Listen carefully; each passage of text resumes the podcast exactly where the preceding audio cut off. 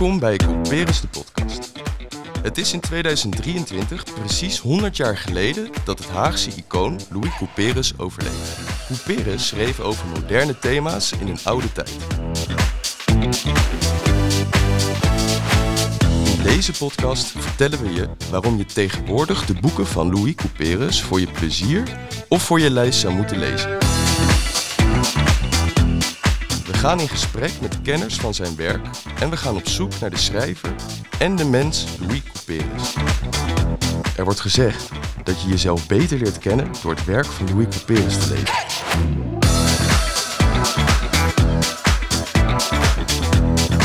In deze aflevering ga ik, Lisbeth Bouwman van Bibliotheek Den Haag, samen met Floor, oud-leerling van scholengemeenschap De Brul, in Zeist in gesprek over zijn boeken. We spreken hierover met Floors docent Nederlands, Josje Kune. Josje geeft ook communicatietrainingen en is uitgever van lesmethodes. En ze heeft ook lesgegeven aan Michelle van Dijk.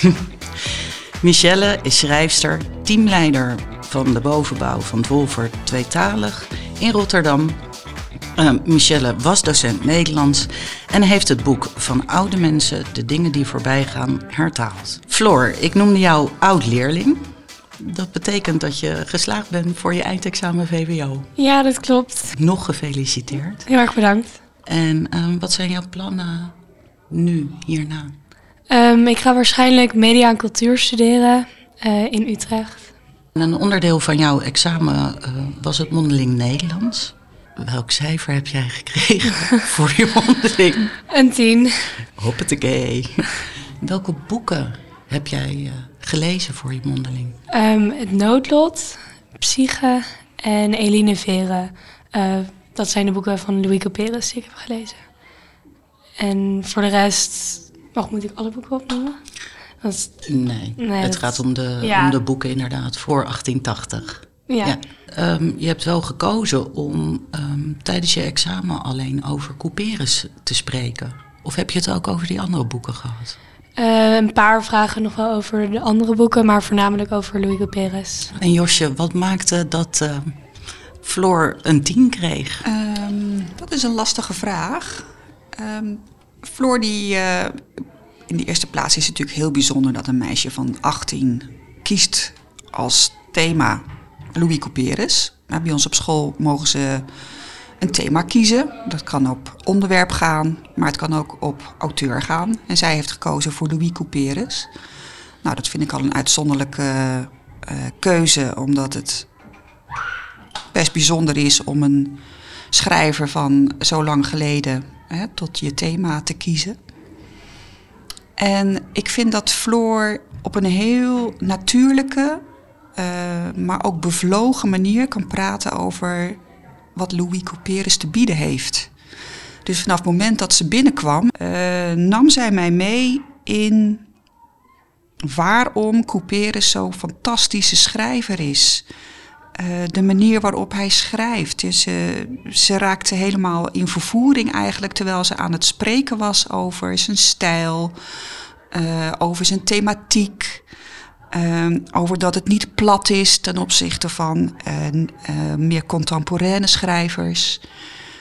Ehm, ja, en ze maakte meteen ook een, een brug naar wat het voor haar persoonlijk deed. Ik denk dat dat ook een heel belangrijke factor is geweest waarom ik zo uh, ontroerd en geraakt werd door haar mondeling. Als iemand het kan uh, terughalen naar zijn eigen leven. En wat maakte voor jou, uh, wat maakt Couperus voor jou zo fantastisch? Of wat maakt zijn boeken zo um, ja, geweldig? Meerdere dingen. Um, ik denk sowieso de manier van schrijven trekt me heel erg aan. Het, is, het heeft een bepaald ritme, het is best wel poëtisch.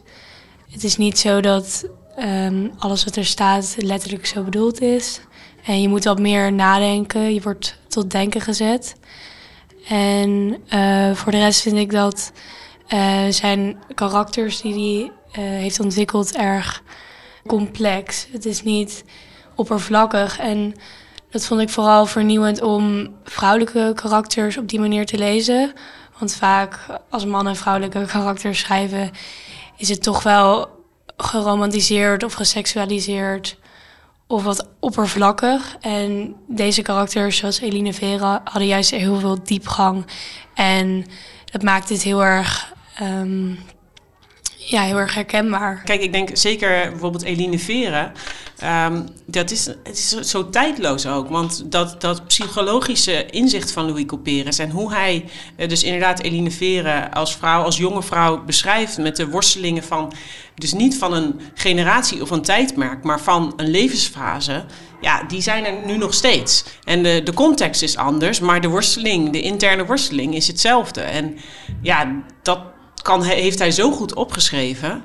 En ja, daarom snap ik dat je dat ook nu nog steeds erin kunt zien. En ook bijvoorbeeld hoe hij met relaties beschrijft. Ook dat is, je zou zeggen, nou, dit is in die tijd was het allemaal heel anders. Maar eigenlijk is hij vrij modern. Hè? Uh, van oude mensen hebben ze het eigenlijk over: moeten we nou wel trouwen, kunnen net zo goed samenwonen. Um, nou ja, dat is ook nog steeds. Waarom uh, heb ik haar gevraagd? Ja, samengestelde dus, gezinnen. Ja, ja. En uh, eerst de een kiezen en dan toch de ander willen. Uh, al dat soort uh, kwesties. Ja. ja. Ja. precies. Dat tijdloze inderdaad maakt het heel leuk om te lezen. Dat je eigenlijk met personen die zogenaamd 100 jaar geleden bestonden, dat je daar toch wel heel veel dingen mee gemeen hebt. Dus dat, ja. Ja, en dat was nieuw voor je om dat te lezen in de oude literatuur. In de oude... Of dat had je ook niet verwacht? Ja, precies. In de oude Nederlandse literatuur mhm. had ik dat inderdaad niet verwacht. Dus dat trok me heel erg aan. Ja. Toen je Eline Veren ging lezen, had je dat ook verwacht? Um, niet per se. Uh, maar ik had wel verwacht uh, dat het iets noodlottigs had. En dus een beetje uh, dat ze het idee heeft dat ze gedoemd is. En dat trok me sowieso aan, want dat Um, was ook zo in het boek Het Noodlot. Um, dat het zijn naturalistische personen. En het is vaak een nerveus persoon. En dat maakt het ook wel vaak herkenbaar. Dat een beetje nerveuze en het menselijke. Dus wat dat betreft had ik het wel verwacht. Maar niet zozeer dat hij uh, dus een vrouw op die manier zo herkenbaar neer kon zetten. Daar was je van onder de indruk. Ja. ja. Dat is ook volgens mij, of dat is waarom jij um, vertelde dat je hebt veel gedaan, Josje. Mm -hmm. um, communicatietrainingen, lesmethodes. Je hebt lesgegeven aan de universiteit. En toch heb je besloten uiteindelijk om ook docent Nederlands weer te worden. Ja. Uh, die, die jonge mensen, je bent natuurlijk je hele leven bezig met je, het uitvinden van jezelf, maar die jonge mensen zeker. En um, het vak Nederlands leent zich natuurlijk bij uitstek uh, ja, voor filmfragmenten, boekfragmenten, poëziefragmenten, waarmee je ja, handreikingen kunt bieden om uh, te laten zien hoe andere mensen zich hebben ontwikkeld. En zo maakte ik de overstap naar het VO. Mooi. Um, herken je dit verhaal um, hoe, in hoe Josje les uh, gaf? Ja, zeker. Uh, Josje die maakt heel veel gebruik van verschillende bronnen. Dus filmfragmenten inderdaad, uh, YouTube-video's. Um, maar vooral de manier hoe Josje probeert de hele klas bij de les te betrekken. Door de manier hoe ze praat en met zoveel enthousiasme betrekt ze de leerlingen bij de les. En vooral dat um, nou ja, vond ik een hele interessante manier van lesgeven en heel leuk eigenlijk. Want je werd echt als leerling betrokken in de les. En hoe werd je dan betrokken? Uh, door, um, nou, Josje loopt altijd door de hele klas en het gaat langs elke tafel en spreekt iedereen persoonlijk aan tijdens het uitleggeven. En um, nou, gewoon het enthousiasme waarmee ze praat. Lazen jullie ook in de klas? Um, Vrijlezen of werd er vooral veel stukken gelezen en gesproken over de literatuur? Mm, We hebben vooral poëzie gelezen, ja, denk ik. Hè? zit met name met de poëzie in mijn hoofd. Ja. Eh, ja, we hebben poëzie gelezen in de klas en best wel veel poëzielessen gehad. Ehm, Ja, Ja. liter- Ja. literaire technieken probeer ik eigenlijk altijd aan de hand van eh, filmfragmenten te doen, omdat dat veel korter is. En een veel betere, snellere manier om eh, verhaalanalytische technieken eh, te onderwijzen en te oefenen. En dan even terug op Couperus. Heb je die ook behandeld? Helemaal niet. ja, het is dus ook wel heel erg grappig, vind ik, dat ik dus twee eh, oud-leerlingen heb die helemaal weg zijn van Couperus. Daar heb ik geen enkele invloed op gehad. Dat is dan wel bijzonder dat je toch bij Couperus uitkwam. mhm. Kan je vertellen hoe dat gebeurde? Ja, ik had het zelf niet heel erg in de hand. Eh, het was het noodlot, denk ik. Ehm, maar ehm, ja, we, kregen eigenlijk een bepaald boek aangewezen in de vijfde. En wij kregen het noodlot van Louis Couperus. Ehm, en toen zijn we dat gewoon gaan lezen met twee vriendinnen. En daar moesten we een presentatie over geven. En een verslag over schrijven. En toen moest ik in de zesde nog wat boeken lezen. En toen dacht ik, nou laat ik nog maar iets van Louis lezen. Was, ik had er niet heel veel over nagedacht. Maar toen bedacht ik me wel van ja, ik vind dat naturalisme heel interessant. En misschien dat ik dat als thema kan doen. En toen dacht ik, nou ja, als ik dan nog één boek lees, dan heb ik gelijk drie. En dan kan ik, kan ik mijn mondeling doen over Louis Couperus. En zo kwam ik er eigenlijk op uit. En wat was het tweede boek dat je ging lezen? Psyche. Kan je daar wat over vertellen? Eh, ja, ehm, het boek is een mythologisch verhaal. ehm, afgeleid uit de Griekse goden ehm, Eros en Psyche. Ehm, het is heel erg een sprookjesachtig verhaal. En eh, op die manier word je ook al gelijk in het boek getrokken. Dus het begint ook echt met dat je in een sprookjeswereld terechtkomt. En, ehm, Je hebt alle boeken, in alle originele boeken gelezen. Zou je ook een hertaling lezen van hem? eh, ik sluit het niet per se uit, maar een van de dingen die ik heel leuk vind aan ehm, de boeken van Louis Couperus is juist dat ouderwetse taalgebruik en ehm, ja, die bijzondere manier van schrijven. En ehm, ja, dat trok mij juist heel erg aan. Dus ik weet niet hoe, hoe de vertaling is natuurlijk. Dus ik sluit het daarom ook niet uit, maar ja, Als je nog een boek zou lezen, zou je waarschijnlijk. oh, eh, Van oude, men, van oude mensen heb je niet gelezen. Als je het zou lezen, zou je eh, waarschijnlijk eh, de oorspronkelijke versie lezen. Of, als je gehoord hebt waarom Michelle het hertaald heeft. Ja, ja, waarom heb je het hertaald? Ja. Nou, ik, ik denk eigenlijk niet voor eh, lezers zoals Floor. Want eh, als je al Couperus leest in het origineel, dan is van oude mensen de dingen die voorbij gaan prima te lezen. Eh, ik zou wel de tip geven als je het gaat lezen om eh, een versie te pakken met een familie eh, stamboom erbij. Dat helpt. Want er heten drie mensen Ottilie in het boek. En ze, mensen worden met verschillende namen aangesproken. En dan ben je steeds de draad kwijt van wie is nou wie.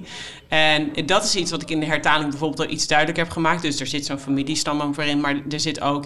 ehm, ik heb dus bijvoorbeeld Frans Stijn de Weert, wordt de ene keer Stijn genoemd en dan eh, Stijn de Weert en eh, dan gewoon met zijn voornaam erbij ook. Eh, nou ja, dan heb ik hem wat consequenter dezelfde naam gegeven. Dus zo heb je wat, of bijvoorbeeld die Ottilie's consequent zus of mama of de oude Ottilie, dat dat duidelijker is. Ehm, dat is een voorbeeldje van waar een hertaling ook bij helpt. Ehm, maar ik heb het eigenlijk, de hertaling is meer bedoeld voor ja, wie niet zoveel ervaring heeft met het lezen van oude literatuur.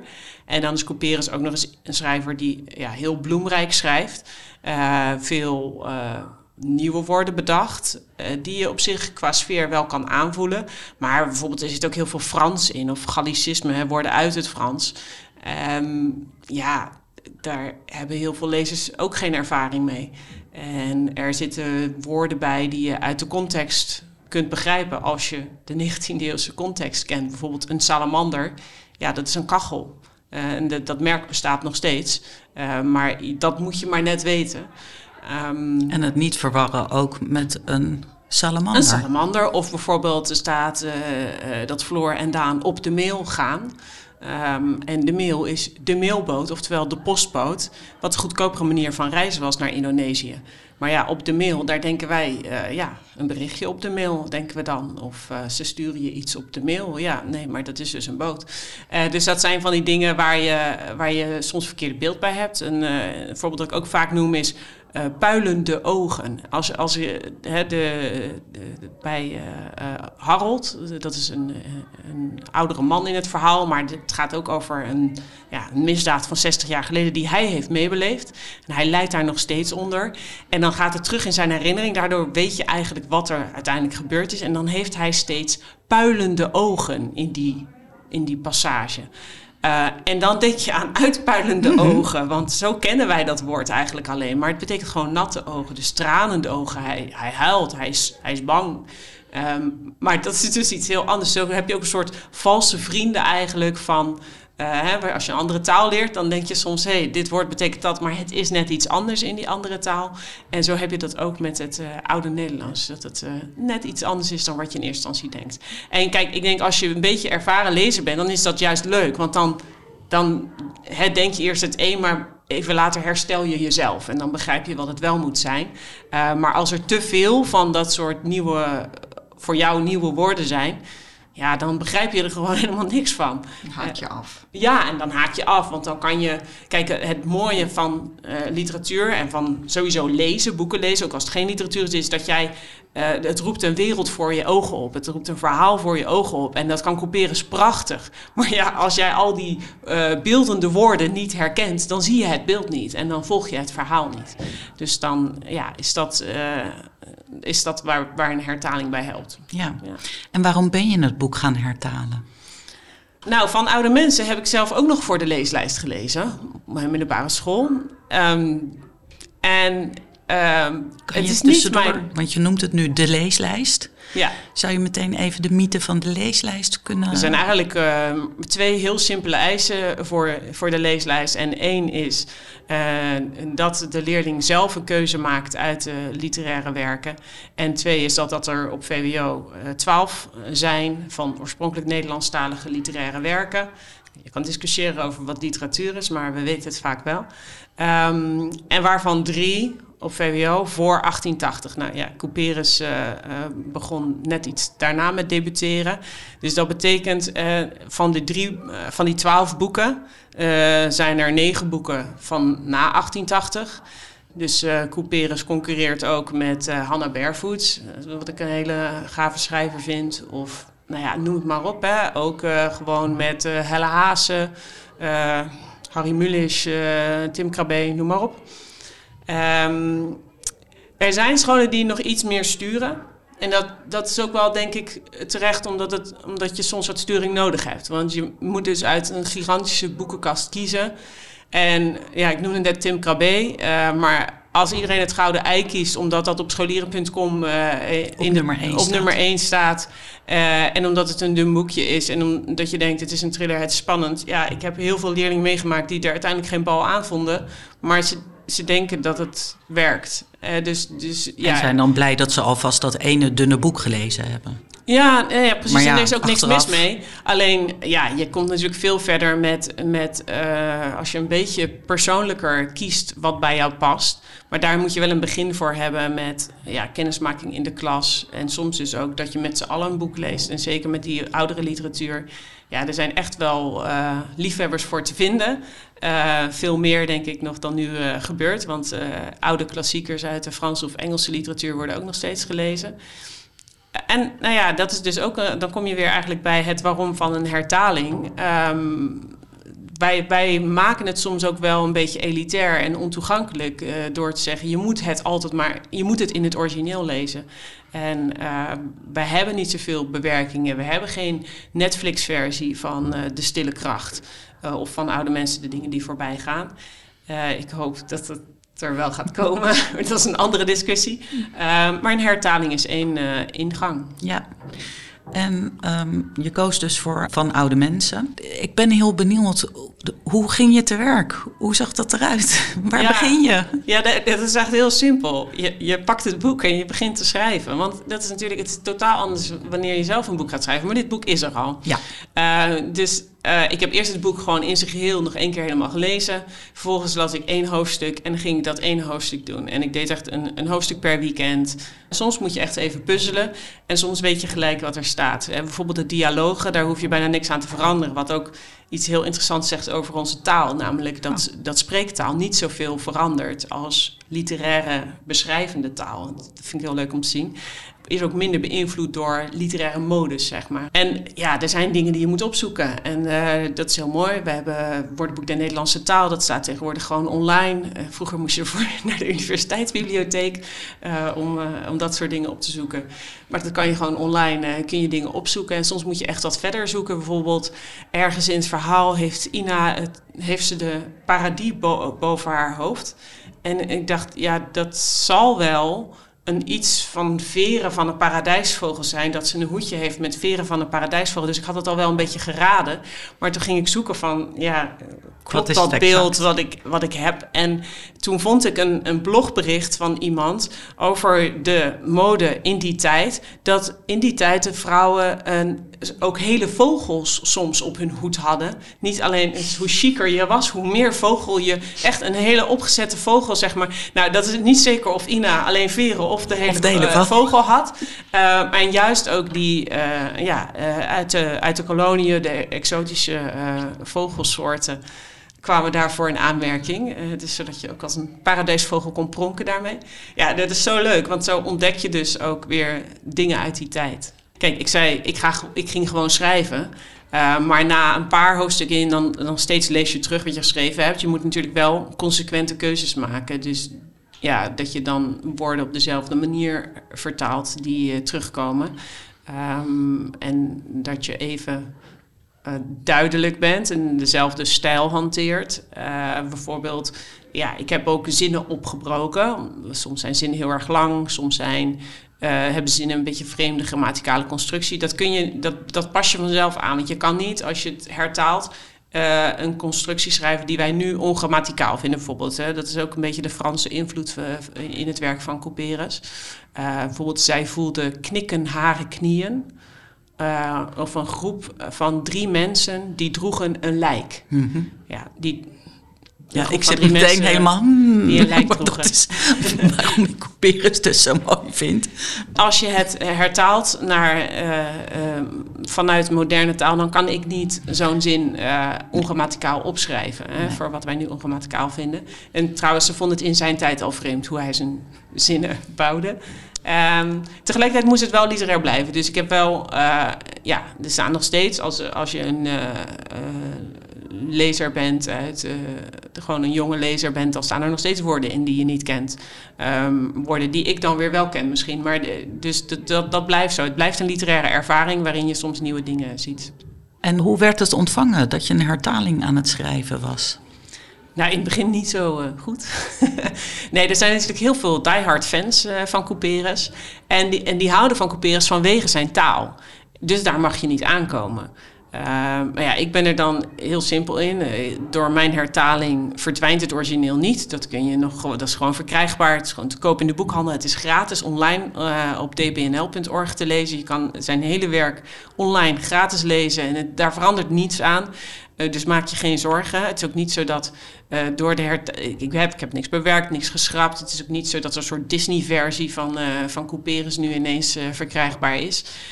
Um, en ja, voor mij zit er altijd een beetje bijna een elitaire gedachte achter van je moet het origineel lezen. Nou, dan heb je aan mij de verkeerde. Ik, ik ben behoorlijk anti-elitair. Ik, vind het gewoon belangrijk dat de verhalen uit de Nederlandse vertelgeschiedenis bewaard blijven. En ik vind het ontzettend zonde als je ziet dat dat dus niet gebeurt. Als je ziet dat er steeds minder uh, oude literatuur, en met oud bedoel ik nu dus eigenlijk gewoon literatuur van 100 jaar oud, dat dat steeds minder wordt gelezen.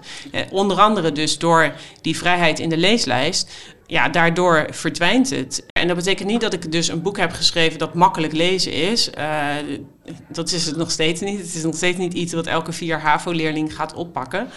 Um, maar dit is wel de realiteit. Dus ook, we weten dat ook door onderzoek naar de leeslijst wat er tegenwoordig is. Uh, vroeger niet. Dus we, we, weten ook niet echt. Mensen zeggen dan, nou hè, uh, ja, ik las dat gewoon voor de lijst. Maar dan denk ik, ja, maar jij bent ook een liefhebber.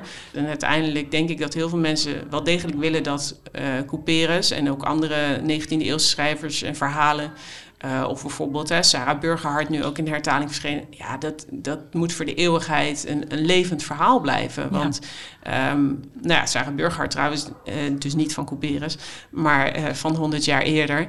Ja, de, de, dat zijn eigenlijk gewoon karakters die je bij je wil hebben als, ja, net als Eline Veren. Jij knikt ja. Hou jij Eline bij je als karakter?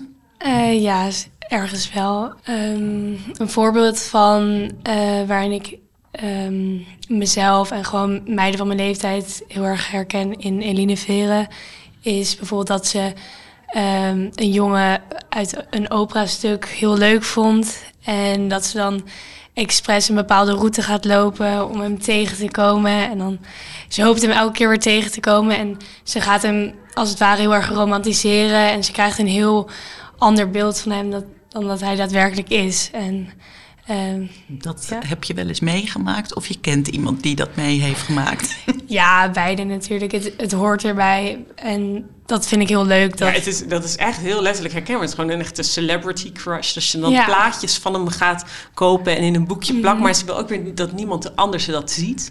Dus het is ook een geheim iets. Je bent toch een beetje verschaamd, zeg maar. Ja. En Josje, zou jij, als je les geeft, Um, stel je voor, je gaat dit boek bespreken. Zou je dan het origineel aanraden of de hertaling? Of zou je ze allebei gebruiken? Ja, dat ligt aan wat je doel is van de les natuurlijk. Hè? Dus ik uh, ben heel erg uh, blij met de hertaling. Uh, zeker voor havisten denk ik dat dat toegankelijker is dan de originele uitgave. Uh, maar het zou natuurlijk heel mooi zijn om de verschillen uh, te duiden. Hè, want uh, ik ben onder de indruk van het verhaal van Michelle. hoe ze die hertaling toegankelijker heeft gemaakt. En ik hoor jou, Michelle, heel bevlogen nu over dit boek spreken. Ontzettend begrijpelijk. Mis je het niet om hierover te spreken met leerlingen? Uh, ja, dat, is een ingewikkelde vraag. Ik mis het wel in de zin van uh, het, maar dat is meer die persoonlijke interactie die je met leerlingen hebt, waardoor je ze goede boekentips kan geven. En dat hoeft dus niet altijd Louis Couperus te zijn.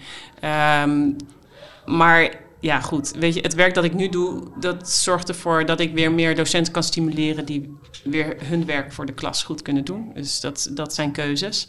Um, en staat ja, couperen ze in het curriculum nu? Er zijn scholen die ja. uh, bijvoorbeeld van oude mensen klassikaal lezen met de hele groep. En ik heb daar ook lesmateriaal bij gemaakt. En bijvoorbeeld wat, wat heel leuk is bij, uh, bij couperus, ja, daar is een misdrijf, daar is een moord gepleegd. Dus uh, een van de werkvormen is het moordbord, waar je, terwijl je dus klassikaal steeds een hoofdstukje leest, in groepjes gaat uitzoeken wat zijn nou de relaties tussen de personages.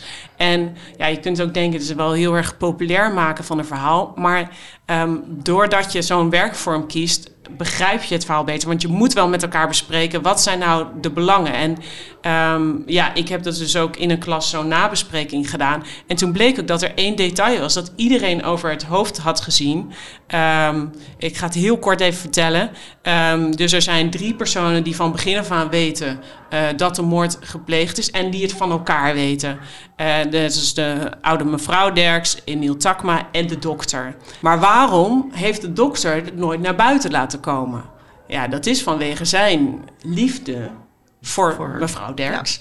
Ja. Um, maar dat was deze groep totaal ontgaan. Dus ja, ik vertelde dat van, hé, hey, dit is het belang van de dokter geweest. En Ja, als je dan gaat zoeken, dan zijn er drie zinnetjes waaruit je dat had moeten begrijpen.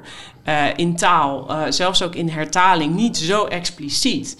Ja. Um, dus je moet het gewoon maar net opgepikt hebben. En het geeft echt roering als je dat vervolgens vertelt van... wat, de dokter deed het met oma. ja, en, en, maar zo zie je dat zo'n nabespreking... dus dat het soms ook echt heel belangrijk is om over een boek door te praten. Uh, of het nou in een klein groepje is of met de hele klas. Uh, dus ik vind het heel leuk als ik hoor dat soms hè, ze het met de hele klas doen. Uh, maar ook inderdaad, wat Josje zegt, in de taal duiken. Hè. Dus je kunt ook gewoon één hoofdstuk in de originele taal... en in vertaling lezen. En dan kijken van, oké, kan ik het nu goed volgen? Je zou ook misschien, misschien maar alleen de eerste twee hoofdstukken in hertaling lezen... en, en daarna gewoon eens verder gaan met het origineel. Want het is een beetje net als wanneer je in een taal die heel dicht bij de onze ligt... en die je al een beetje kent, dan is lezen lijkt eerst heel moeilijk... maar je komt er ook wel in. Um, alleen dan ben je iets bewuster van... hé, hey, dit is het stapje dat ik nu aan het maken ben... Um, ja, dus zulke dingen zijn heel goed mogelijk. En ik denk dat je vooral in literatuur niet heel erg dwingend moet zijn, uh, maar wel moet verleiden om uh, bepaalde boeken te lezen. Dat ben je op dit moment al heel erg aan het doen. Ja, Over die verleiding gesproken, terugkomend op mijn vraag zojuist. Uh, als je hem zou lezen van oude mensen, de dingen die voorbij gaan, en je hebt nu Michelle horen spreken.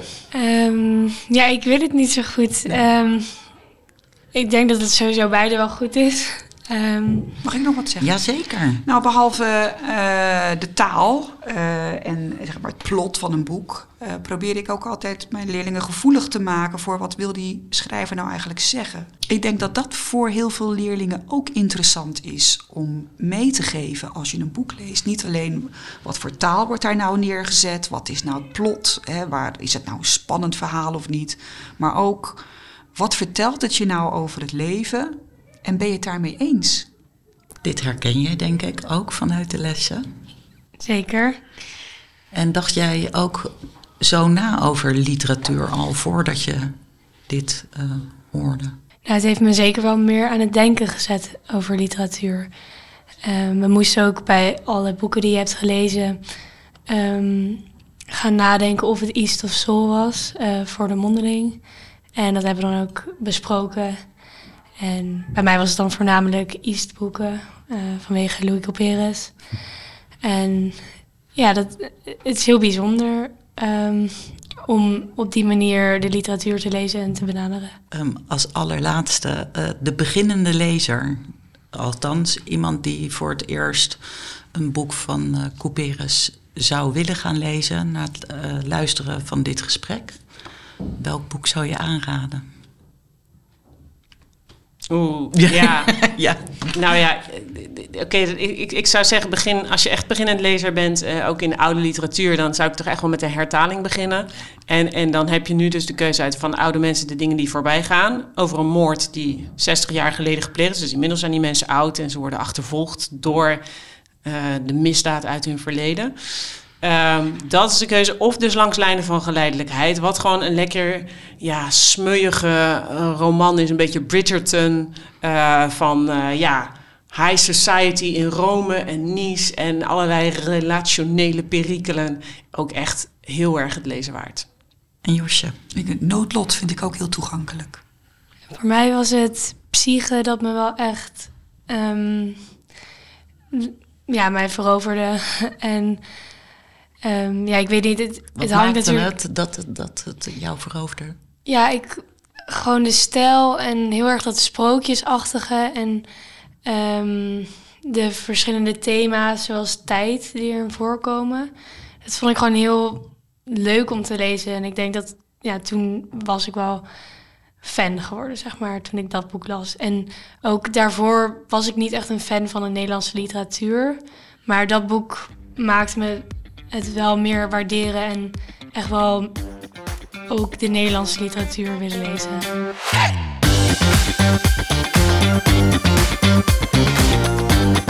Ben je nieuwsgierig geworden en wil je boeken lezen van Louis Couperus? Vraag ernaar in de mediatheek van jouw school of kom de boeken lenen in de bibliotheek. Laat ons weten wat je ervan vond.